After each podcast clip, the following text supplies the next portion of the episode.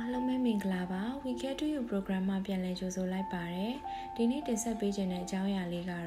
လှုပ်ရှားမှုနည်းတဲ့နေထိုင်မှုပုံစံရဲ့ကျန်းမာရေးဆိုးကျိုးတွေပဲဖြစ်ပါတယ်ဒီနေ့ခေတ်မှာကွန်ပျူတာရှိအလုပ်လုပ်သူ game ကစားသူ TV series တွေအချိန်ကြာမြင့်စွာထိုင်ကြည့်သူတွေကတိတိတတ်တာများပြားလာပါတယ်။ အထက်မြင့်များတက်ရမှာလည်းလွယ်ကူတဲ့ဓာတ်လေကားဆက်လေကားများရှိနေခြင်းကြောင့်လူတွေရဲ့နေထိုင်မှုပုံစံကလှုပ်ရှားမှုအလွန်နည်းလာပါတယ်။ဒီလို lifestyle ဟာကျန်းမာရေးဆိုးကျိုးတွေအတော်များပါတယ်။အထိုင်များတဲ့အခါမှာခန္ဓာကိုယ်ကမိမိစားထားတဲ့ကယ်လိုရီအနည်းငယ်ကိုသာလောင်ကျွမ်းနိုင်တော့မှာပါ။ ကိုယ်အလေးချိန်တွေတက်လာမယ်ခန္ဓာကိုယ်မှာတကြားတက်တဲ့အစီတွေဆုလာမှာပါသွေးလည်ပတ်မှုလည်းမကောင်းပဲဖြစ်လာမယ်ကြွက်သားတွေအားနည်းလာမယ်ဟော်မုန်းမညီမျှမှုတွေဖြစ်လာပါမယ်ဒီအပြင်ဒီလိုအထိုင်များတဲ့လူနေမှုပုံစံက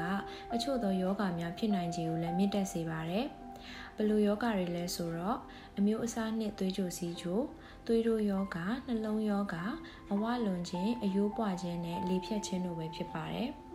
ဒီလိုဆိုးကျိုးတွေကကာကွယ်နိုင်မှုအတွက်တနေ့ကိုမိနစ်30ခန့်နဲ့တစ်ပတ်မှာအနည်းဆုံး9ရက်ခန့်ကိုလက်လှုပ်ရှားပေးသင့်ပါတယ်